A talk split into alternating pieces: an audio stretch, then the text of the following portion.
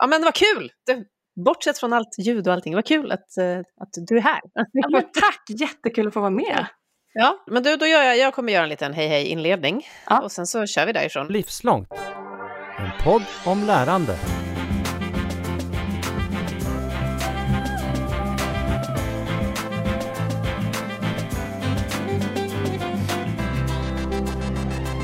Jag har en eh, jättefin bild här hemma som är tecknad av mig när jag var talare på en konferens för precis ett år sedan faktiskt, när det här spelas in. Vårt Learning Forum som vi kör från RISE varje år. Och jag var helt fascinerad av det här. Det är nämligen inte bara en bild på mig, utan också på allt jag pratade om, sammanfattat. Det är en jättefin, liksom, ja, tecknad tavla nästan. Och det här är så kallad grafisk facilitering. Och den som ritade var då du, Helena Ljungros. Varmt välkommen till mig och Livslångt. Tack snälla. Du ska snart få berätta mer om ditt jobb och vad det innebär. Men eh, vem du är brukar vi ju alltid fråga i den här podden. Berätta, vad är det för lärande som har gjort dig till den du är och det som du håller på med idag?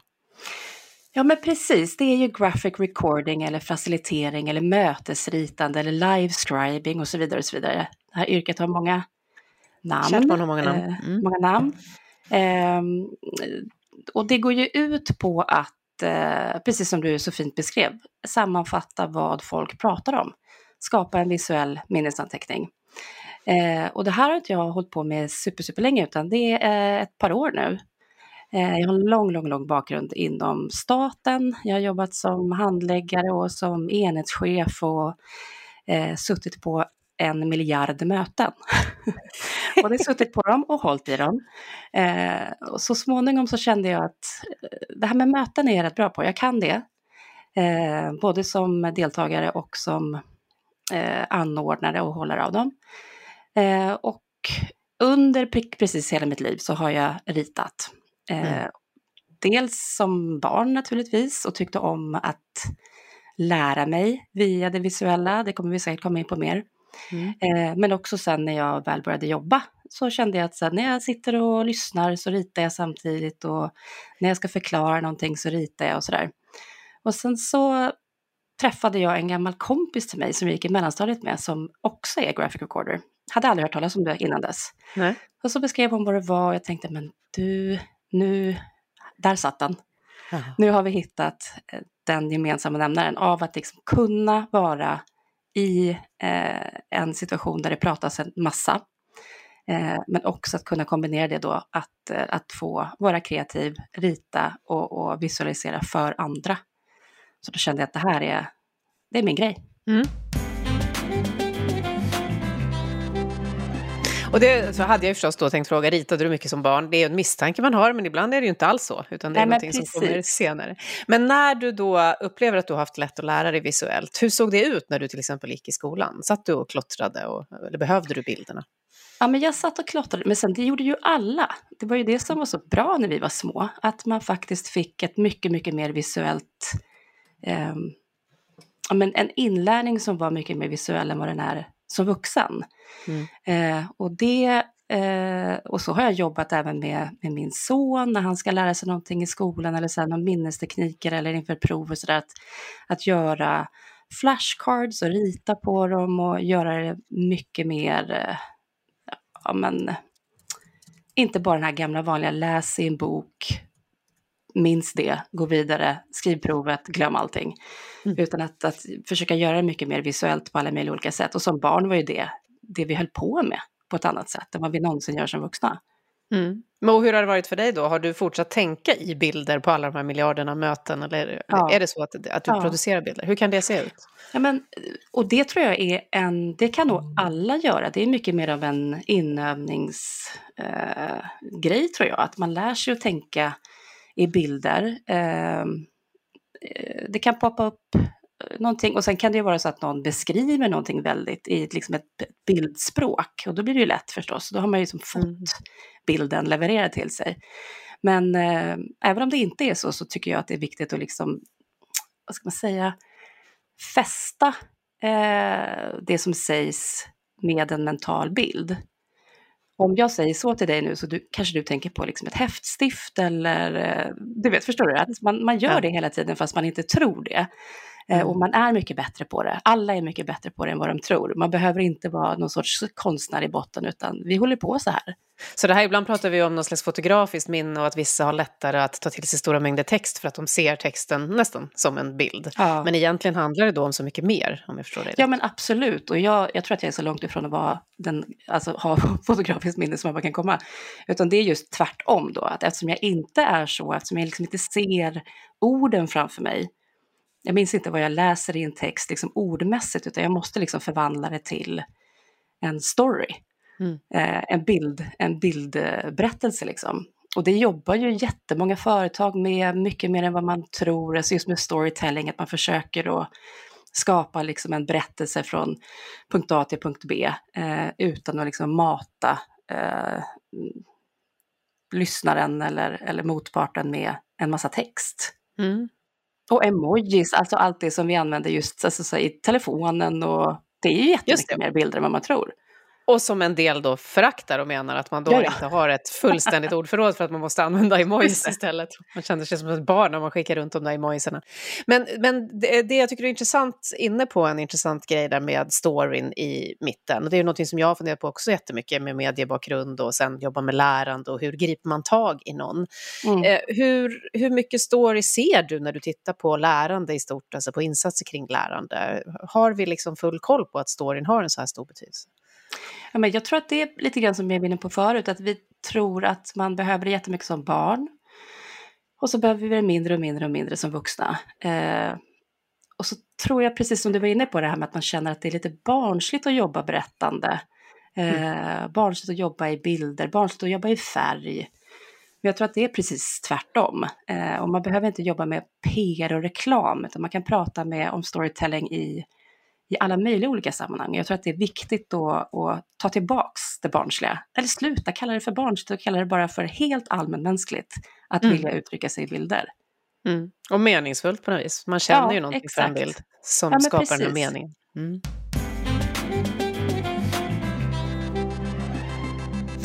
Ja, hur går det till då när du då sitter på de här mötena i den här nya rollen som du har som ja. grafisk recorder eller facilitator? Eh, när, när, du ska rita det som händer där, hur, hur går det till? Går det att beskriva?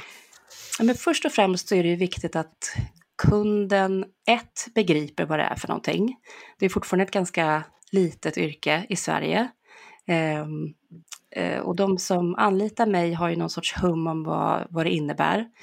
Uh, och så kan jag behöva förklara beroende på om det är en stor konferens eller om det är ett litet möte eller om det är en kick-off eller så vidare. Sådär.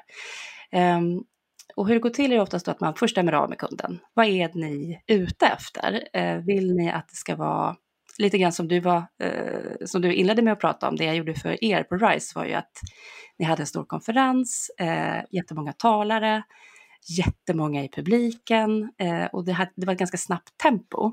Mm. och då gäller det att ta reda på vad är det för några som ska prata, vad ska man prata om, vad är det för tema, eh, vad är det för grundfärger, är det liksom ett kulturbärande syfte det här och har också att ni ska kunna visa upp bilderna sen och säga så här, men det där, det är RISE, det ser jag på en gång.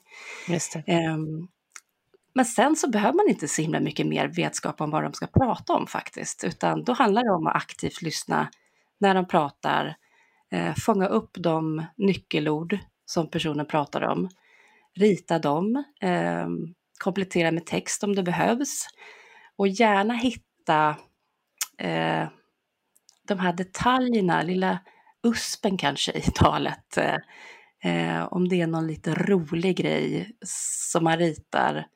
Och för det kommer ju folk ihåg. Mm. En essens liksom av det som, som kommer fram i budskapet. Precis. Men då blir ju en väldigt eh, stor fråga för mig, hur, hur hinner du det här? Alltså när du sitter och lyssnar i realtid. Jag har ju jobbat med, med dig och med någon mer som har ditt yrke och mm. också med teckentolkar. Och samma fascination och fråga uppstår. Hur hinner ni ta in intrycket och göra om det till någonting med era händer? Ja, nej men det är ju, det undrar jag också ibland faktiskt ibland är man helt slut efteråt. Ehm, för det är ju så, det är så många delar av hjärnan som jobbar.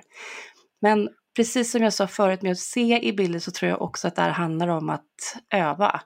Ehm, att komma in i, lite grann hur en talare eller föreläsare eller sådär har, man har ju alltid ett flow på något sätt. Man märker att man har en inledning förstås, en mitten och ett slut och så kanske man kryddar lite här och var.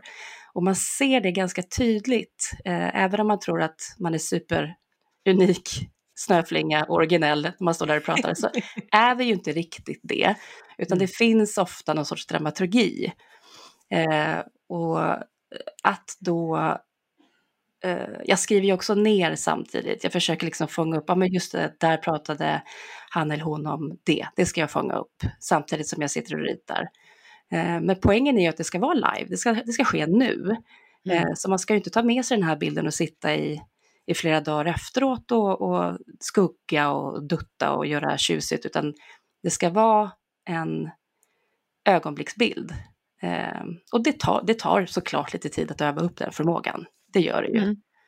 Men jag tror precis som jag var inne på förut att, att eh, dels att jag har suttit på många möten och hållit dem och, och tänkt i bilder väldigt länge är ju förstås en, en fördel om man vill hålla på med det här.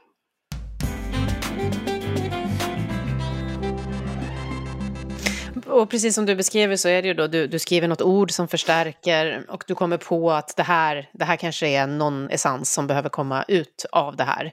Eh, och då kanske du redan har börjat rita någonting annat. Hur väl bedömer du att det du liksom uppfattar hänger ihop med det alla, alla lyssnare, alla deltagare eller en publik eller vad det nu är för några som sitter i det här mötet också hör? Just det, det är ju jätte, jättebra fråga för det kan jag ju inte vara hundra på. Om jag sitter där och tänker att vad roligt, nu ska jag rita den här masken och eh, den här lilla larven eller vad det kan vara och håller på med den ett tag och så, så pratar eh, talaren vidare och hamnar på någonting som är oerhört mycket viktigare. Ja, men då får jag ju stryka masken, det är ju inget mer med det. Jag kan inte sitta och liksom tycka att den, det är mycket kill your darlings. Men vad gör du då? Eh. Stryker du den bara eller gör du bara klart ja. den snabbt? Eller? Nej, då, gör, då tar jag bort den. Ja. Det är beroende på om jag ritar digitalt eller analogt förstås. förstås. Mm. Så är det ju. Mm. Eh, ritar jag på stort papper eh, framför folk, ja, men då kanske man får göra en liten mask och så får man hastigt gå vidare. Eh, men ritar jag digitalt då är det ju bara att sudda bort, tänk om, gå vidare. ja. Vad ser du då, Helena, att det här leder till för lärande i de sammanhang där, där du verkar? Vad, vad har du varit med om i den vägen? Det jag tror är den absolut största vinsten av att få en bild på det här viset. Man säger ju ofta att en, en bild säger mer än tusen ord. Eh, och för mig blir det ju tvärtom, att tusen ord ska bli en bild. Eh, och responsen jag får är att ja just det, ja men det sa han eller hon ju och det var så kul och det var så bra ja. Eh, och om det är, inte vet jag, 8 till 10 figurer eh, på en bild så är det ju de 8 till 10 figurerna som jag vill att man ska ha med sig från det här sammanhanget. Mm. Eh, och den bilden, om man ser då den här masken, om jag nu går vidare på den, då kommer man ju ihåg jättemycket kring vad personen i fråga pratade om kring det. Och istället för att läsa då eh, hela talet i någon sorts minnesanteckning eller mötesanteckningar eller vad det nu kan vara, så går hjärnan dit på en gång. Hjärnan minns så himla mycket mer än vad man tror. Man behöver inte sitta och älta i 400 000 minnesanteckningar, utan har du bilden på masken, just det, mm. det var det som sades. Det här eh, lirar ju helt med en annan gäst som vi har haft här i Livslångt, nämligen minnesmästaren Jonas von Essen, som faktiskt också ska tala på nästa sån här konferens som du var med i, eh, som handlar om just att hänga upp saker på bilder. Vad, hur mycket har du studerat vad som egentligen händer i hjärnan? För du säger att vi minns verkligen, men vad vet vi om vad bilder gör för oss? Eh, jag har ju inte djupstuderat, jag är inte en von Essen på det området, det kan jag säga.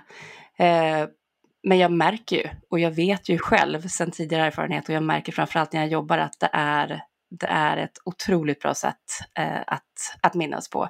Sen är man ju olika naturligtvis, eh, och det vet ju han också, att man, vissa tycker att det är en toppengrej, annars, andra tycker att det är Ja, där sitter någon och kluddar någonstans i något hörn, men jag läser nog hellre mig till den, den fakta jag behöver. Eh, och det duger åt mig, det är jättebra. Eh, men det jag tror att är viktigt just eh, nu för tiden, eh, som jag var inne på förut, det är att bredda de olika varianterna av inlär alltså inlärning på. Eh, och som jag, som jag var inne på också, ta tillbaks det visuella, ta tillbaks det opolerade barnsliga då, om man vill kalla det för det. Mm. Och bilder eh, är så himla viktiga. Även om vi kanske under många, många år har tänkt att, eh, att det inte ser så snyggt ut utan det ska vara liksom paketerat på ett snyggt sätt och eventuellt så kan man sträcka sig så långt som att ha kanske en färgglad framsida på rapporten eller så. Men jag tror att det skulle, det skulle vara, eh, man skulle nå många fler om man vågade jobba lite mer med, med bilder igen. Ja, för vi har ju länge haft någon slags uppfattning om ändå att vi tar in lärande via synen. Men vi tänker då text. För vi har också ett avsnitt som handlar om att ta in lärande via till exempel dofter. Det. Men, vi tänk, men det är ofta text som vi, som vi ändå menar när vi pratar om ögonen. Och här säger du då att det kan vara viktigt att, att vidga. Mm. Jag, jag, tänker idag så är det ju, vi pratar också mycket om hur komplex världen är och hur mycket abstrakt lärande vi behöver lära oss och så. Mm. Hur kan du och bilder som du producerar hjälpa till att konkretisera eller, eller låta oss ta oss an det där abstrakt? Jag tror att eh att jobba med en bild eh, på det här snabba sättet som jag gör. Eh, för man skulle förstås kunna sitta, det har vi ju alla gjort förmodligen, i otaliga workshops och liksom grunna över en bild. Känns den här rätt? Förmedlar det det vi vill säga? Eh, och så vidare och så vidare. Ehm, och det är ju jag tror att det är så vi har jobbat ganska länge just med bilder, men det här snabba sättet eh, att rita live det gör också att det blir en mindre ängslig inställning till bilden.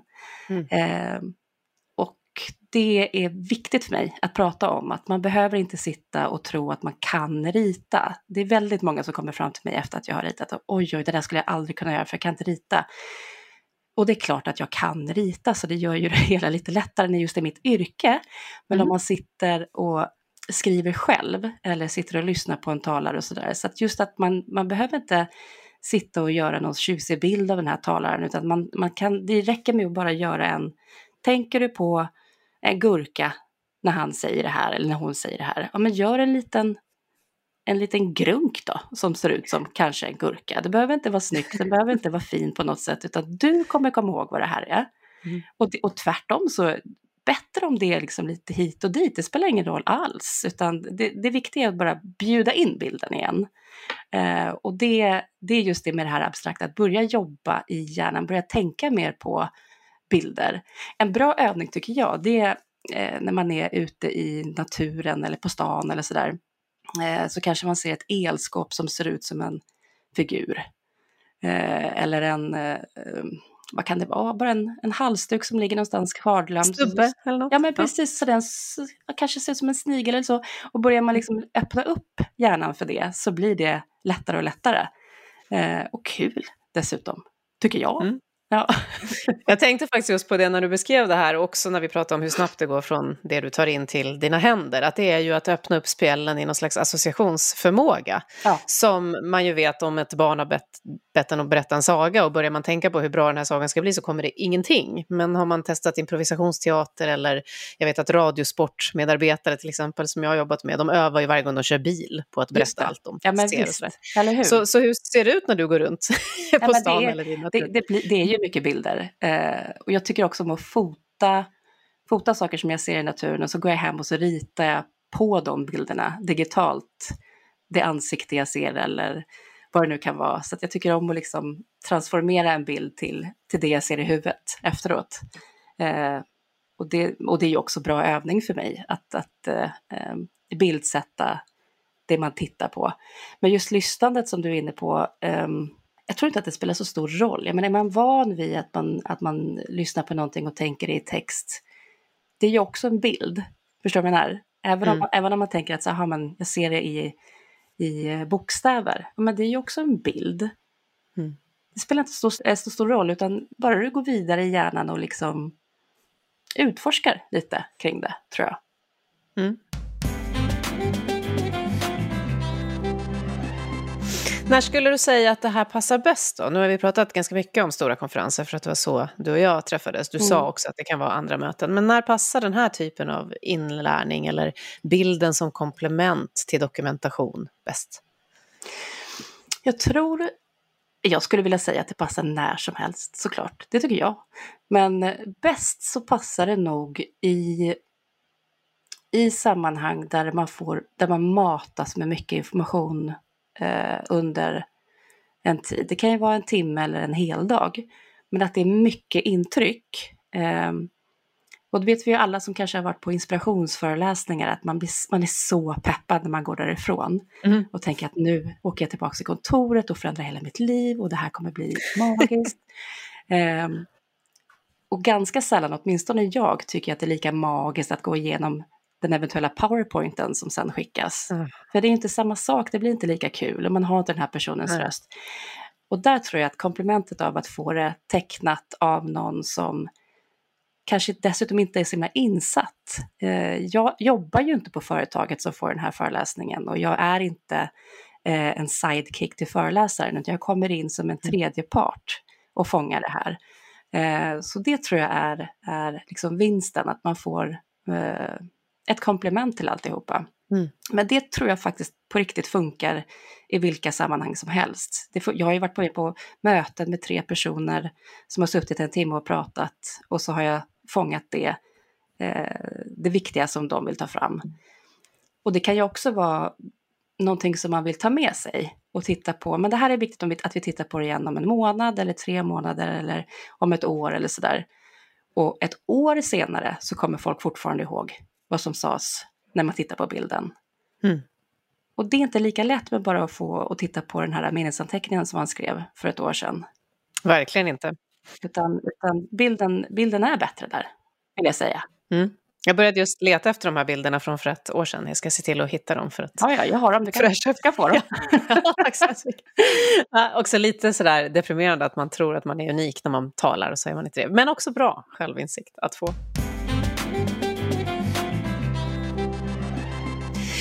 Men du, eh, jag är ju, har alltid varit mycket mer audial själv. Jag lyssnar jättemycket. Eh, jag lyssnar också väldigt intensivt när jag lyssnar, vad jag än lyssnar på, om det är tal eller musik eller vad det kan vara. Jag har också lätt för text. Jag kan inte rita, nu kommer den. Jag skulle kunna vara en av de som kommer fram till dig. Jag har aldrig kunnat rita. Därav min fascination för det här. Och jag hatar att göra powerpoints, även om jag var tvungen att lära mig det hjälpligt. Ja. Det är verkligen inte min Men jag uppskattar ju bilder mycket som, är, som hjälper mig eller som är eh, fina. Så. Och du var inne på det, alla är olika. Jag pratade om att lära mig fler sinnen. Men mm. hur tydligt märker du att det verkligen är så att vi har olika inlärningsstilar där, där just det visuella är en? Jag märker det framförallt eftersom det inte är så himla vanligt nu för tiden. Och uppskattningen då att bilden liksom glider in här från sidan, lite uppstudsigt, eh, den är stor. Eh, för folk är så vana nu vid det här laget att det är paketerat på ett visst sätt och har varit i, ja, det går inte ens att räkna hur många år som helst, så länge jag har jobbat i alla fall. Eh, att det är, och sen så kom Powerpoint och så skulle man jobba med bilder och de skulle glida in från sidan eller zigzackas in i folks eh, medvetande och sådär. Eh, och, och, eh, det funkar, det funkar för vissa. Eh, men jag tror att just eh, att fortsätta att jobba med eh, alternativa sätt att lära sig på. Och sen så om man, jobbar, om man lyssnar bättre eller om man eh, tittar på text bättre, det är ju ingenting som tar ut det ena från det andra, utan att bjuda in för fler alternativa sätt att eh, komma ihåg eller ta till sig information tror jag bara är bra. Eh, istället för att någonting är trendigt för, för stunden så, så mer bredd tror jag är viktigt istället för att smalna av det och tänka så här, nej men det, eh, det tuffaste just nu är att bara eh, jobba med eh, Canva eller vad det kan vara, utan att, mm. att, att bredda det så mycket som möjligt. Mm. Och då sa du att som barn så gör vi det här mer, eller vi gjorde det mer och sen förlorade vi någonting och nu kanske vi måste återta det och kalla det för något annat än barnsligt och så. Ja. Då tänker jag om du träffar eh, människor som jobbar i skolan. Jag har ett eget, väldigt anekdotiskt men ändå exempel där en av mina döttrar då inte fick rita under tiden som det är till exempel långa genomgångar, vilket är väldigt svårt att eh, fokusera på, för det betraktas som koncentrationsstörande. Mm. Så om det nu var någon framför dig från skolan, vad vill du skicka med då i relation till det du just sa? Ja, man får inte säga fel, fel, fel eh, i, i ett skolsammanhang. Men där skulle jag väl ändå kunna sträcka mig till att säga ett fel i alla fall, för det tror jag är eh, och jag begriper naturligtvis att man vill fånga elevers eh, uppmärksamhet och att man är rädd för att om en börjar göra så, så kanske det blir mm. kaos. Så där vill jag inte ens eh, eh, inbilla mig att jag har något superpedagogiskt svar på svaret, eller på frågan, men, men just att begränsa barns naturliga sätt att lära sig. För om det är så att man är en doodler, att man gillar att sitta och rita och man kanske till och med blir mer avslappnad av det. Mm. Eh, och framförallt eh, så här, när jag var barn så kunde jag ju sitta och rita saker som inte hade någonting med det som sades att göra. Så det är lite grann motsatsen till det jag gör nu, för nu fångar jag ju i bild exakt vad som sägs. Men när jag var barn så ritade jag ju en massa andra saker. Men jag vet ju också att när jag tittade på den här, ja inte vet jag, figuren, gubben som jag ritade, så kom jag ändå ihåg vad läraren sa under den eh, tiden jag ritade gubben. Ja. Eh, och så är det ju med doftminnen som du var inne på också, att man minns precis hur det, hur det luktade hemma hos mormor, eller vad det, och så är man där plötsligt. Eh, så mm. får man bilden framför sig, hur det var hemma hos mormor. Eh, och det tror jag igen, om jag nu skulle kunna ha någon sorts påverkan på någon sorts utbildare, att bredda, som jag sagt hela tiden, bredda, bredda, bredda. Gör det så enkelt som möjligt för så många som möjligt att få pröva sig fram, testa sig fram. Vad, vad funkar bra för mig? Eh, jag kommer ihåg när jag var barn så var man fick inte tugga tuggummi i klassrummet och så visade det sig att ja, men det kanske inte var så dumt ändå för koncentrationen och så, och så vidare. Så att, att istället för att säga nej, om man orkar ta ett steg tillbaka och fundera på, eller skulle det kanske kunna vara en bra idé? Mm, exakt, kan vi testa? Ja, vi, nej, vi vet, precis. precis som du så vet vi ju alla att designen i skolan är svår, men just i de här sammanhangen så kanske det finns lite utrymme för att bredda då. Ja, men precis. Men jag tror också, om jag får bara tillägga det, att när vi är mikrosmå, alltså när vi är jättesmå och jobbar med pekböcker och sådär, precis i början, mm. så är det ju verkligen stora symboler och man ska lära sig ord och man läser dem tillsammans och man, man pekar aktivt i, i boken på bilden. Eh, och det tror jag, det, det är en bra grej. Det borde man fortsätta med jämt. Jag lär mig fortfarande genom att, eh, att faktiskt hålla i pennan. Mm. Eh, jag tycker om att skriva för hand fortfarande till exempel. När jag kan skriver jag gärna för hand. Jag vet att det, jag kommer ihåg det mycket bättre om jag vet att jag har skrivit det. Mm. Eh, så att få jobba med sina händer mer eh, än vad man kanske gör nu tror jag bara är bra. Nu har inte jag sett dina händer här. Vi ser ju varandra, även om ja. det bara är ljudet som går ut på. Har du klottrat medan vi pratar? Jag har inte klottrat, men jag sitter och håller på med en penna så här. Ja. har du tänkt har jag... i bilder? Jag har tänkt i bilder, det gör, det har, det gör jag ju. Eh, mm. men det har ju du också gjort. Och det kommer ja. alla som lyssnar också göra. Det gör vi. Ja. Mm. Om du skulle sammanfatta då det här, vad hade du ritat tror du? Det här samtalet. Eh, jag hade ritat oss när vi sitter här med varsin mikrofon. Och så hade jag nog runt oss ritat en massa bilder av, av det vi har pratat om. Som att det liksom kommer ut ur våra hjärnor. Förstår du vad jag menar? Jag förstår precis. Det ploppar, nu visar jag ju det, det ser ju inte någon annan, men att det ploppar ut saker runt omkring oss. Så att man ser att det är vi som pratar, men samtalet har liksom bestått av allt det här. Alla de här olika grejerna som finns runt omkring oss. Och hade nog varit ganska noga med att det inte skulle vara så himla snyggt. För det är det som är grejen, det spelar ingen roll. Bilden får se ut som den vill, eh, det, är bara, det är du som ska eh, bära den. Så det du säger till mig är inte bara att jag också tänker bilder utan att jag också kan rita? Jajebulars! ja, ska jag försöka ta med mig det då. Ja, men gör det! Öva, öva! Mm. Är det något mer du vill lägga till innan vi slutar? Mm. Nej, men jag blev väldigt peppad på att fortsätta prata med olika typer av utbildare, kände jag efter det här samtalet. Vi pratar ju om livslångt lärande och att eh, dels att få byta karriär som jag har gjort, det är ju fantastiskt, men också att i en sån process också få utnyttja och utveckla massa nya sidor i sig själv som man kanske har tassat runt men inte liksom djupdykt i. Eh, och det, det är ju en toppegrej. Att få lära hela livet är ju prick precis därför vi är här. Mm. Ja, jag blir nästan lite avundsjuk på det där, att hitta det där, där har vi det. Kanske kommer en dag, man vet ja, aldrig. Jag har också faktiskt bytt lite karriär. Det verkar som att du har ganska bra på jobbet du med. det har jag också. Supertack Helena Ljungros för att du kom till oss och berättade om den här grafiska faciliteringen och att bredda sättet att lära på. Det var jätteroligt att prata med dig. Tack snälla för att du fick komma in.